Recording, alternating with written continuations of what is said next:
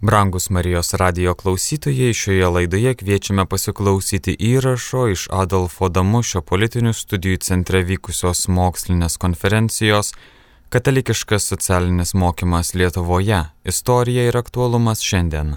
Vytauto didžiojo universiteto dėstytojo Lietuvų išyvijos instituto mokslininko Egidijaus balandžio paskaita Junktinių Amerikos valstijų Lietuvų krikščioniškoji demokratija tarp minties ir veiksmo Lietuvų darbininkų sąjunga 1915-1923 metais.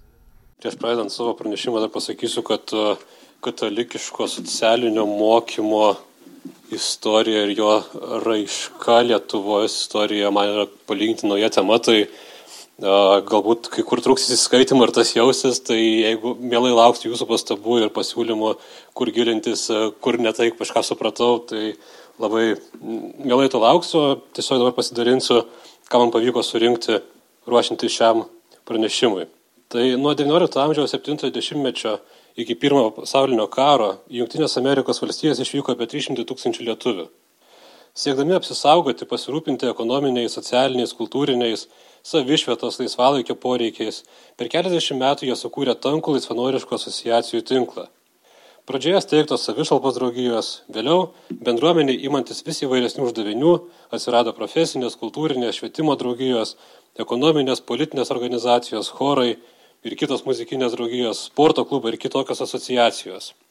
Daugelį šių draugijų dažniausiai priklausydavo vienos ar kitos pasaulyje žiūrinės rovės organizacijų tinklui.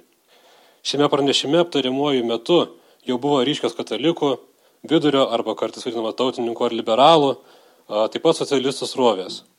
Pastaroji vėliau skilo į demokratinius socialistus ir komunistus.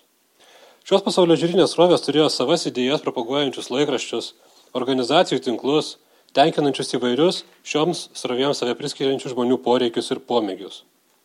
Organizacijos tapo svarbiamis erdvėmis normų, vertybių, pasaulyje žiūrų sklaidai ir socializacijai, apsisaugojimui nuo priešiškos rovės idėjų įtakos, todėl dėl vienos ar kitos draugijos pasaulio žiūrinės krypties neretai virdavo aršios kovos. Atvykę į Junktinės Amerikos valstijas, dažniausiai buvę valstiečiai lietuviai, dažniausiai tapdavo angliakasiais, tekstilės, plieno pramonės ar gyvulių skerdyklų darbininkais.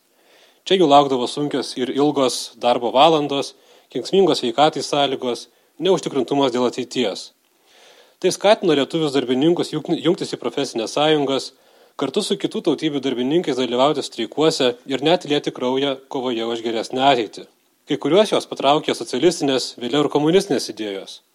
Lietuvių išeivių tarp atsirado gausi Lietuvių socialistų sąjunga, socialistinės krypties kultūrinės švietimo organizacijos, chorai, laikraščiai. Darbininkų būklė, išnaudojimas, skurdas, taip pat socializmo iššūkis ir įtaka šiame sluoksnėje kėlė rūpesti tiek katalikų bažnyčiai apskritai, tiek ir Junktinio Amerikos valstybių lietuvių katalikų dvasininkams bei pasauliečiams veikėjams konkrečiai. Būtent šio rūpeščio išdavo ir galima būtų laikyti 1915 metais įsteigta Amerikos lietuvių Rymo katalikų Švento Juozapo darbininkų sąjunga arba sutrumpintai Lietuvių darbininkų sąjunga. Per kelis metus ši, ši sąjunga tapo viena gausiausių katalikiškų organizacijų, po kelių metų jau telkusi keletą tūkstančių narių.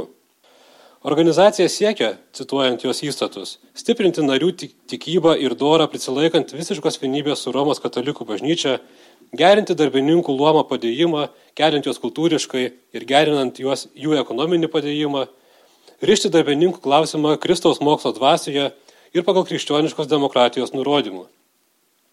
Numatyta, kad darbininkų reikalais einama iš vien su kitų tautų darbininkų organizacijomis, kurios prisilaiko krikščionybės pamatų. Šioje sąjungoje veikia tokie veikėjai kaip Fabijonas Kemiešis, Tomas Žilinskas, Jonas Karosas, Antanas Knyžys, Pranas Virakas, Pranas Kazimieras, Kazimieras Urbonavičius. Taigi, kai kurie buvo jų dvasininkai, kai kurie buvo pasauliečiai inteligentai. Na, vienas garsiausių greičiausiai reikėtų išskirti Fabijoną Kemiešių, kuris vėliau pagarsėjo kaip ekonomistas, kunigas ir socialinės politinės ekonomijos vienas svarbiausių to, to laikotarpio mąstytojų Lietuvoje. Sąjunga turėjo savo laikraštį darbininkas, kuriame būtų nemažai svarstymų politikos, Amerikos lietuvių gyvenimo įvairiais klausimais, darbininkų judėjimo, ekonominės santvarkos klausimais, taip pat kapitalizmo kritikos. Lietuvių darbininkų sąjungai, žinoma, rūpėjo ne tik darbininkų reikalai. Daug, daug dėmesio skirta Lietuvos, jos nepriklausomybės, kitų lietuvių kataliko užmojų rėmimui, gan gausiai rimta buvo ir Lietuvos lietuvių krikščionių demokratų partija, taip pat ir Lietuvos darbo federacija. Priklausomai nuo dydžio, pajėgumo ir entuzijazmo, atskiros organizacijos kuopas rengia prakalbas, diskusijas, įvairias pramogas, vaidinimus, steigia kooperatinės parduotuvės, vakarinės mokyklėlės. Kai kur atsirado darbo biurai, kuriuose iš kitų miestų skyrių atsikėlę organizacijos nariai galėjo rasti informacijos ir pagalbos ieškant darbo. Sąjungos veiklai pakenkė ekonominė depresija, o dar labiau jų nusilpo po antro pasaulinio karo. 1950 metais laikraštis darbininkas, nam, namai, kuriuos jie turėjo Bostone, spaustuvė buvo perduoti tėvams pranciškonams, o pati sąjunga tebe gyvuodama keliose kopose dar laikėsi iki 1965 metų, kai Bostone susirinkęs jos Seimas nutarė organizaciją likviduoti. Visgi šiame pranešime aš ketinu susitelkti tik kitos organizacijos veiklos aspektus, kurie liečia darbininkų judėjimo klausimus. Pabandysiu atskleisti organizacijos leidiniuose skelbtus požiūrius į ekonomiką, darbininkų būklę, siūlytus sprendimus ir veikimo taktikas tos būklės pagerinimui, šiek tiek pažvelgsiu į, į tiesioginį organizacijos narių įsitraukimą, į darbininkų pastangas iškovoti geresnės sąlygas. Lietuvių darbininkų sąjungos susikūrimo metu katalikų įsitraukimas į darbininkų judėjimą ir rūpestis jų gerovė jau nebuvo naujovė. Katalikų darbininkų organizatoriai jau galėjo pasiremti ilgametę intelektualinę tradiciją formavusią katalikų socialinį mokymą, kuriam svarbus pagrindus padėjo jau nekarta minėta 1891 m. popiežiaus Leono 13, 13 enciklika Rerum Novarum. Joje buvo atmetamas tiek nereguliuojamas rinkos kapitalizmas, tiek ir socializmas, pripažinta būtinybė atsižvelgti ir pagerinti darbininkų būklę, remta jų teisę formuoti profesinės sąjungas. Bažnyčios socialinis mokymas darė didelį įtaką krikščioniškosios demokratijos ideologijos formavimuisi, skatino pasaulietinių katalikiškos orientacijos organizacijų kūrimasi, padrasino ir į Junktinės Amerikos valstijas imigravusius katalikus kartais labiau nei, nei kitų kai kurių imigrantų grupių atstovus įsitraukti į sąjungą, streikuoti ir kitais būdais siekti socialinį teisingumą. Dar XIX amžiuje daugybė katalikų priklausė vadinamiesiams darbo riteriams Knights of Labor, o vėliau ir Amerikos darbo federacijai. Katalikų dvasininkai vis dažniau išreikšdavo simpatijas darbininkų siekiams. Pavyzdžiui, istorikė ir sociologija Mary Petrys Erdmans nagrinėjo Olandų ir Lenkų, na ir iš dalies lietuvių laikyseną 911 metų baldų fabrikų darbininkų streiko Grand Rapids mieste Mičigane metu. Ji pastebėjo gerokai ryškesnę paramą iš katalikų kunigų streikuojantiems profesiniams sąjungoms, nei tarkim iš Olandus telkusių reformatų bažnyčių dvasininkų. Jos žodžiais e, šis katalikų socialinis mokymas e, leido būti vienu metu ir gerais tikinčiaisiais, ir gerais profesinių sąjungų nariais vienu metu. Jo remdamiesi streikuojančius paremdavo ir dvasininkai. O priemonės, kurių streikuojantis e, Lenkai ir Lietuviai imdavosi, neretai buvo gerokai radikalesnės nei, nei Olandų. Suprantama, konfesija buvo tik viena iš priežasčių. Pasitaikydavo skirtumų ir tarp pačių katalikų dvasininkų, o tai neretai priklausė nuo, nuo jų parapijoje gyvenančių į finansinės socialinės padėties. Pavyzdžiui, pastebėta, kad 912 metų audėjų streiko Lorence, Massachusetts'e metu, streikuojančiuosius labiau rėmė būtent katalikų kunigai iš tų parapijų, kuriuose gyveno skurdžiausiųjų imigrantų grupės. O senesnių ir labiau prakutusių katalikiškų etinių grupių parapijų dvasininkai buvo gerokai konservatyvesni. Lietuvių darbininkų sąjungos lyderiai savo pažiūroms taip pat pagrindą rado katalikiškame socialinėme mokyme, krikščioniškoje demokratijoje. Joje rado reikalingus e, įrankius darbininkų būklei pagerinti, tuo pačiu užkertant kelią socializmo ir vėliau bolševizmo plėtrai. Na, nekarta buvo akcentuojama tai, kad būtent tos tuometės sąlygos, išnaudojimas, neligybė, skurdas buvo tos priežastys, kurios buvo gera dirba komunizmui plėsti. Tai matyta, kad e, per šitas reformas būtų galima užkirsti kelią šitų komunistinių ir socialistinių idėjų sklaidai. Savo idėjų sklaidai bendro ideologinio pamato lėjimui pasitarnavo ne, ne tik sąjungos laikraštis darbininkas, bet ir kiti leidinėliai, knygos, brošiūros, kalendoriai. Svarbi buvo ir to meto praktika prakalbos, kurių metu organizacijos lyderiai galėjo pagėdaujamoje šviesoje išdėstyti to laikmečio problemų vertinimus, katalikų darbininkų uždavinius, galimas veikimo taktikas, kritikuoti alternatyves vizijas ir, žinoma, raginti jungtis prie Lietuvų darbininkų sąjungos ar tverti jos kuopas. Jau viename pirmųjų laikraščio darbininkas numerių randame trumpą žinutę apie e, korespondenciją apie tokias prakalbas Atol mieste Massachusetts'e. Korespondencijos autorius trumpai nušvečia Pranciškos Juškaičio kalbos turinį. Cituosiu. Juškaitis kalbėjo apie socialinį klausimą dabartinėme laike. Išdėstė pirmiausia plačiai klaidingą Markso, Engelso, Bebelio ir kitų socialistų demokratų mokslą ir išrodė, kad žadamasis jų rojus negali ant žemės įvykti, nes niekaip negalima įvesti jų, jų teorijų į praktišką gyvenimą. Tai yra pritaikyti jų mokslą prie gyvenimo. Paskiaus prirodinėjo krikščioniškos demokratijos naudingumą, kurią platino vyskupas Ketleris, pramintas darbininkų tėvo ir popiežius Leonas XIII. Tai yra tvarka paremta ant Kristaus mokslo, kuris kelbė katalikų bažnyčią. Taigi pagal jų tėvų mokslą ir pradėjo krikščionės darbininkai telktis į vairias draugijas, kad ne tik tai nešti vieni kitiems pagalbą lygoje, nelaimėje ir pomirčiai, bet ir apsiginti nuo įvairių išnaudotojų. Dabar lietuviai suprusda įsteigti tokią, tokią padraugiją - darbininkų sąjungą po Švento Juozapo globa. Prakalba visiems patiko ir visi ilgai rankomis plojo. Citatos pabaiga. Na ir organizacija įsitvirtinus prakalbos liko svarbėta telkiančią praktiką ir progą sustiprinti nusilpusias kopas, tačiau apie jų turinį, aišku, tos žinutės yra labai trumpos. Na, prakalbos dažniausiai būdavo taip, kad kažkurios organizacijos lyderis važinėja po įvairias kolonijas, lanko įvairiose, įvairiose miestuose esančius tos organizacijos narius ir diskutuoja su jais, paskaitą paskaito apie tai, kaip reikia galvoti ir e, organizuotis ir burtis.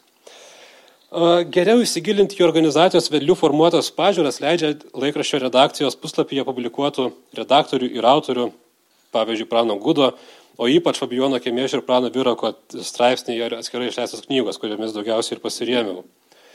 Nemaža dalis šių leidinių buvo nedidelės apimties brošiūros, tačiau 23 metais Lietuvų darbininkų sąjunga išleido ir kur kas stambesnį Fabijono Kemiešio darbą pramoninės demokratijos pagrindai.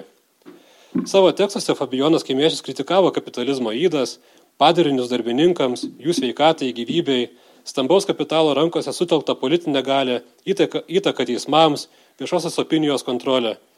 Dar skaudesni jam atrodė moraliniai kapitalizmo padariniai. Kaip alternatyvą jis siūlė pramoninės demokratijos idėją plaukiančią iš brolybės, meilės, lygybės, žmogaus asmens vertingumo, atsakomybės ir darbo dėsnių pritaikymo. Būsimąją pramoninę demokratiją autorius matė paremtą privačios nusavybės sistema. Instinktą turėti nusavybę jis laikė vienu iš stipriausių žmogaus prigimtinių instinktų. Ji laikyta svarbia paskata darbui, laisvės ir nepriklausomybės šaltiniu, individualybės apsaugojimo garantų ir sąlyga išvystyti savo talentą, patenkinti teisėtus reikalavimus ir troškimus.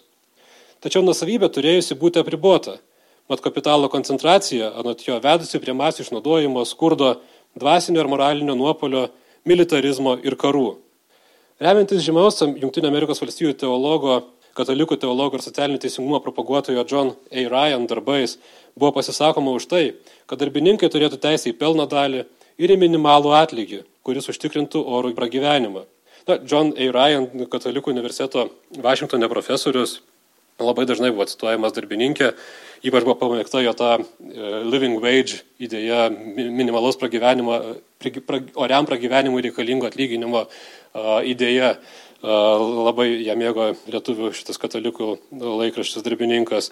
Ir Ryan mintis iš tikrųjų atspindėjo e, atsispindėjo stipriai Junktinė Amerikos valstybių katalikų viskupų 1919 metais parengtoje tokioje socialinės rekonstrukcijos programoje kuri nors, galima sakyti, konservatyvi buvo kai kuriais socialiniais kultūriniais klausimais, bet ekonomikos tie siūlė gana progresyves naujoves ir iš tikrųjų turėjo nemažai įtakos vėliau po gero dešimtmečio pradėtai Roosevelto naujojo kurso politikai siekiant išeiti iš didžiosios krizės, depresijos.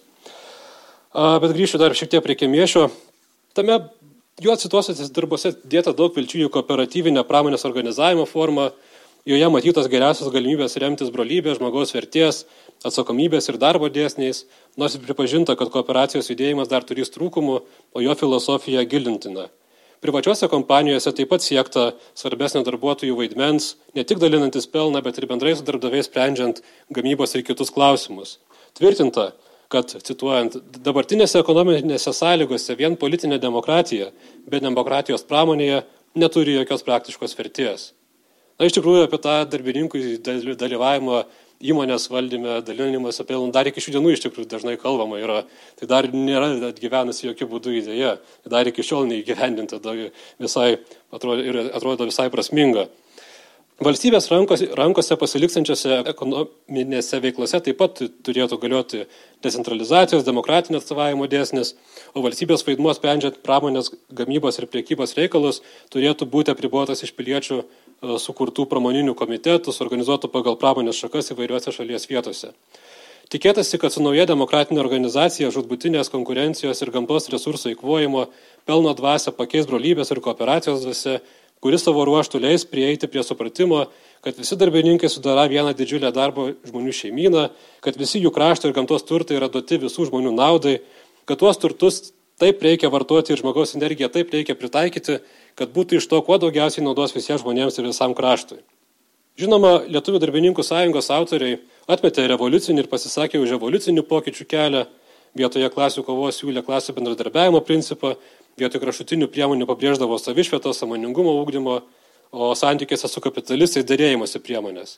Šita kiek švelnesnė ir mažiau radikali laikysena, aišku, pritarimas privačios nusavybės institutui dažnai užtraukdavo, aišku, jiems socialistų, komunistų ir anarchistų kritiką šitai katalikiškai darbininkų judėjimo versijai kaip nepakankamai, kaip tarnaujančiai kapitalizmui.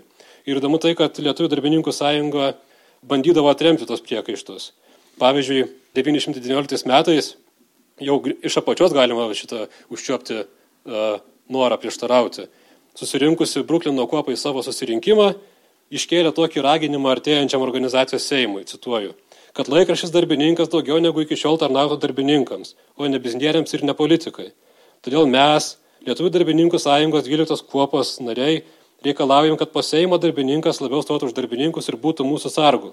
Mūsų priešai, priešai socialistai ir kitokie vadina mus kapitalistų šalininkais. O mes, krikščionys darbininkai, nebuvome ir nesame tokiais.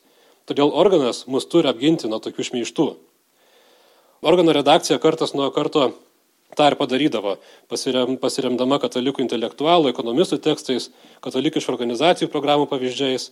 Pavyzdžiui, 20 metų rugsėjį redakcija straipsnelėje su klausimu pavadinimu Ar gina kapitalizmą citavo vokiečių ekonomisto Henriko Peso, prancūzų rašytojo ir istoriko Hilaire Belok darbus Italijos liaudės vienybės organizacijos rezoliuciją bei Junktinių Amerikos valstybių viskupų socialinės rekonstrukcijos programą ir rezumavo, kad tik nežinėliai arba blogos valios katalikų bažnyčios priešai gali tvirtinti, būk katalikų bažnyčia gina kapitalizmą. Ir iš tiesų, nepaisant to, kad dažnai buvo pabrėžiamas tas klasių bendradarbiavimo principas, bet to pačiu darbininko puslapiuose tikrai netrūko įtin aštrios kritikos ir kapitalui, ir ugningos retorikos, o klasių kova laikyta realių faktų ir netgi priemonės siekti to solidarumo, kuris yra, turi būti pasiektas kada nors. Pačios Lietuvų darbininkų sąjungos kopos, aišku, neveikia kaip profesinės sąjungos, tad nuo pat pradžios laikraštyje buvo reiškima parama Amerikos darbo federacijai, American Federation of Labor. O sąjungos nariai buvo raginami priklausyti prie jai priklausančių unijų, per jas siekti geresnių sąlygų. Darbininkų autoriai palaikė kolektyvinį dėrėjimas dėl sutarčių ir nuolatos kritikavo verslininko agitavimą už vadinamąją Open Shop. Nors į Amerikos darbo federacijos veiklą dėta daug vilčių, tačiau ilgainiui Lietuvų darbininkų sąjungos leidiniuose pasirodydavo ir kritikos šiuos milijonus amerikiečių darbininkų telkosios federacijos atžvilgių. Šalia kitų įdų Lietuvų darbininkų sąjunga nusivylė darbo federacijos apolitiškumu, nenorus teikti darbininkų partijos kuri galėtų dalyvauti Junktinė Amerikos valstybių politikoje, atstovauti darbininkams. Ypač ši nuostata darbininkų sąjungos autorių tekstuose ryškėjo apie 20 metus, vis labiau nusivėliant pagrindinėmis Junktinė Amerikos valstybių politinėmis partijomis, respublikonais ir demokratais. Tiesa, dar jau prieš 1916 m. prezidento rinkimus pirmajame sąjungos laikraščio puslapyje buvo skelbiama, kad mums nei demokratai, nei republikonai nieko neprigelbės pagerinimui buvę Mes tik per krūviną kovą ir prakaitą šiokius tokius pagerinimus te galime laimėti. Tačiau dar tada, 16 metais, Wilsonas laikytas geresniu iš dviejų blogų ir lietuviai buvo raginami jį palaikyti, demokratas Wilsonas. Akcentuojant jo pripažintą 8 valandų darbo dieną, iškeltą tautų apsisprendimo teisę ir leidimą organizuoti lietuvių dieną, kurios metu buvo renkamos aukos Lietuvai. O 20 metais jau abi didžiosios partijos darbininkų sąjungos veikėjams atrodė esančios kapitalistų rankose Ir nors demokratų partijos gretose išvelgta daugiau progresyvumo, bet netikėta, kad ir šios partijos kandidatai galėtų tinkamai atstovauti darbininkams ir ne vienos iš šių partijų kandidatų nebuvo reiškimas palaikymas. Lietuvių darbininkų sąjungos, Lietuvių darbininkų sąjunga šios problemos sprendimo galimybę ir matė atskiros darbininkų partijos teigime. Įdomu, kad darbininko redaktorius nematė bėdos tame, kad tokioje partijoje katalikams tektų kartu veikti ir konkuruoti su socialistais. Anot Fabijono Kemiešio, tiek, kiek socialistai įneša rūpešio darbininkų reikalais, jų prisidėjimas esas pageidaujamas. O kiek jie stengsis skiepyti ir vykdyti neįvykdomus ir, anot jo, žmogaus prigimčiai priešingus dalykus, jie bus baisus tik trumpam laikui. Jam atrodė, kad pažinę socializmo žmonės jo patys nebenorėsi. Apie galimybę vietomis bendradarbiauti kartais užsimindavo ir kitas autorius Pranas Virakas. 1917 m. vasarį pasirodžiusime straipsnėje pavadintame Kapitalistų triksas, jis dėstė, cituoju, juk ir krikščioniškoji demokratija ir socializmas, nors ir skirtingais keliais eina, bet kaip vieni, taip kiti kovoja už darbininkų buvo, pagerinimą ir svarbesnėse reikaluose gali, o net ir turėtų bendromis pajėgomis ir bendrai nustatytą taktiką gintis nuo galingojo priešo - kapitalizmo. Palikę nuo šaliai savo partijų partyvinius ir idealinius reikalus, mes visi turime vieną bendrą darbininkų priešą. Ir jeigu tik mes permatome, kad tas bendras visų mūsų priešas bando daryti mums skriaudą, tuoj turim ant jo pult bendromis pajėgomis ir jį apgalėti nieku neatsižvelgiant, ar tas reikalauja veikimo vien mūsų partijos, ar abelnai visų darbininkų srovių suvienijimo. Citaras pabaiga. Įdomu, kad 917 e, metais pasirodžiusioje brošiūroje lietuviai katalikai ir kitos rojos Fabijonas Kemiešis svarstė, kad ateityje busimos nepriklausomos Lietuvos parlamente katalikai užimsia centro poziciją. Šis centras su kitomis frakcijos bendrausias priklausomai nuo sprendžiamų klausimų. Kada jis rūpinsis reformomis reikalingomis darbininkams, o, jiems, o, o krikščionėms darbininkų buvęs e, nemažiau rūpės kaip socialistams, tai šis centras e, šauksis į talką socialistus. Kada jisai rūpinsis reikalais visos tautos kaip po tokios, jisai balsuos iš vien su tautiškais liberalais. Citatos pabaiga. Tačiau kitose tekstuose ryškėjo tokio bendradarbiavimo ribotumas, nulemtas giluminių pasaulio žiūrinių skirtumų. Nuo socialistų juos skiria ne tik pasaulyje žiūra, ne, tik požiūris į privačios nusavybės reikalingumą, bet ir metodai, priemonės tikslams pasiekti. Itin vaizdingai kemiešis tai dėstė brošiūroje, kurių bus viršus. Šiame leidinėlyje gan sukarikatūrinta ir, na, šiek tiek gal net primityviai buvo pristatytas socialistų ir katalikų pasaulyje žiūrų skirtumas gyvenimo būdas. Nepaisant bendrų išnaudotojų, bendrų skriaudų, šias grupės anot autoriaus skyrė būdai, kuriais jo tos skriaudos turėjo būti šalinamos ir požiūris, kada viena ar kita priemonė tinkama. Cituoju. Ateis socialistas kalbinti kataliko prie streiko, nors tas streikas gal dar ir nebus reikalingas. Katalikas sakys, palauk, ko taip skubintis. Žinia, mokesnis gal, gal kiek ir per mažas ir reikalingų sveikatai pagerinimų, kiek, kaip reikiant, reikiant neįtaiso. Ale, kad žinai, žmogus su šeimyna, vaikučių krūva, iš ko gyvensi, Be pigų jums, socialistai, jūs vaikų neturite. Kas žin, kad taip nuėjus dar pirmą pas darbdavių delegatams, mažai geruoju galima būtų susitarti. Jeigu jau nepasiseks, tai tada žiūrėsim. O ką į tokį kalbą atsakys socialistas? Eik tu durniau sakys, kad ir nėra būtino reikalo, tai vis vien streikuokim, kad tik tam siurbeliai nuostolį padaryti. Na ir vėliau, aišku, nueita iki visiškų kasdienybės detalių apie tai, kaip socialistai ir, ir katalikai gyvena visiškai skirtingai, visą savaitę nieko nesusitinka, sekmadienį katalikas eina į bažnyčią, o socialistas su svetimo bobo, kaip prašė, į parkus, žodžiu, matyta, kad visiškai giluminiai skirtumai, kurias labai sunku suderinti. Ir aišku būtinybė katalikam ir šviesis atskirai, nu negi tu su socialistu sukursi bendrą biblioteką juk socialistam reikės ant Markso, Engelso, o katalikam visai kitokių raštų. Tai, žodžiu, matė, kad e, būtinai turi būti atskiri kažkokie poliai šitame veikime. Nors kita vertus, e, jeigu Lietuvų darbininkų sąjungoje jie galėjo taip atskirai veikti, tai na, profesinėse sąjungose streikų metu vis dėlto tekdavo bendradarbiauti ir katalikam, ir socialistam. Bet ir tiesas, aišku, tame būta. būta. Lietuvų darbininkų sąjungos propaguotojo katalikiško darbo judėjimo priemonių sampratoje streikas iš ties buvo vengtina kraštutinė priemonė prilygintina karui kuriam reikia gerai pasirengti ir kuriame nukenčia visi. Katalikai perspėti ir dėl to, kad dalis streikų organizuoja bolševikai ir visada būtina ištirti, kieno ir kokiais tikslais jis remiamas. 919 m. straipsnėje pranas Virakas siūlė kiek tik įmanoma vengti streiko. Iš kitos pusės, jeigu jau nuspręsas streikuoti, tuomet anot jo, cituojant, į jokias aukas neatsižvelgiant, sustreikuoti paskirtų laiku visiems ir laikytis vienybės iki galutinio streiko laimėjimo. Streikas anot jo parodas darbininkų susipratimo laipsnį. Jis tvirtino, kad streiko metu turi būti atidėti visi idėjiniai ginčiai. Turi būti vienybė tokia, kokia yra vienybė gerai disciplinuotoje kareivijoje, kareivijos armijoje, kuomet stovi karo laukia. Įtin griežtai jis pasisakė prieš streiklaužius, tai yra tuos, kurie streiko metu eina dirbti. Cituoju, streikas tai darbininkų klasių kovos laukas ir tas yra išgama, kuris streiklaužiauja, skebauja ar tam panašiai elgesi. Toks nevertas garbingo darbini, vardo darbininkas ir jau darbininkų draugijoje neturėtų būti vietos. Na, darbininko puslapiuose galima užfiksuoti ne vieną atvejį, kai streikas įtraukdavo ir Lietuvų darbininkų sąjungai priklausančius narius. Organizacija turėjo vadinamą streikerių fondą, į kurį mokėję nariai streiko atveju gaudavo finansinę paramą. Tiesa, fondo funkcionavimas ne visada buvo sklandus, nu, nuolatos buvo siūloma jį tvarkyti, gerinti. Kilus ir užsitęsus kuriam nors streikui nuolatos tekdavo rinkti papildomų aukų.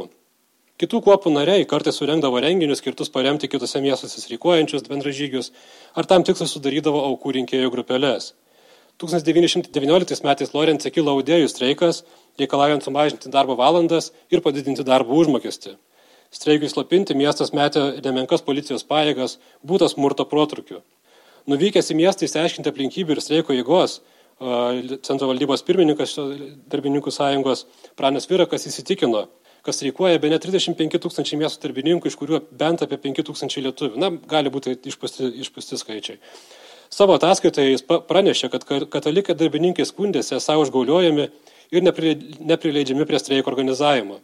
Šias įtampas liudė ir kiti e, streikuojančių lietuvių skelbti tekstai darbininkė. Nepaisant to, Virakas perdavęs vietiniai darbininkų sąjungos kopui paramą iš streikerių fondo pataręs toliau stengtis dirbti iš vien su streiko vedimo komitetu, stengtis ginti savo kaip darbininkų teises, lankytis visose mitinguose ir susirinkimuose bei laikytis tol, kol streikas bus laimėtas. Raginės vengti reušių, keršto, kraujo praleimo, betvarkės, tušių demonstracijų ir viso to, kas krikščionių demokratų yra smerkiama.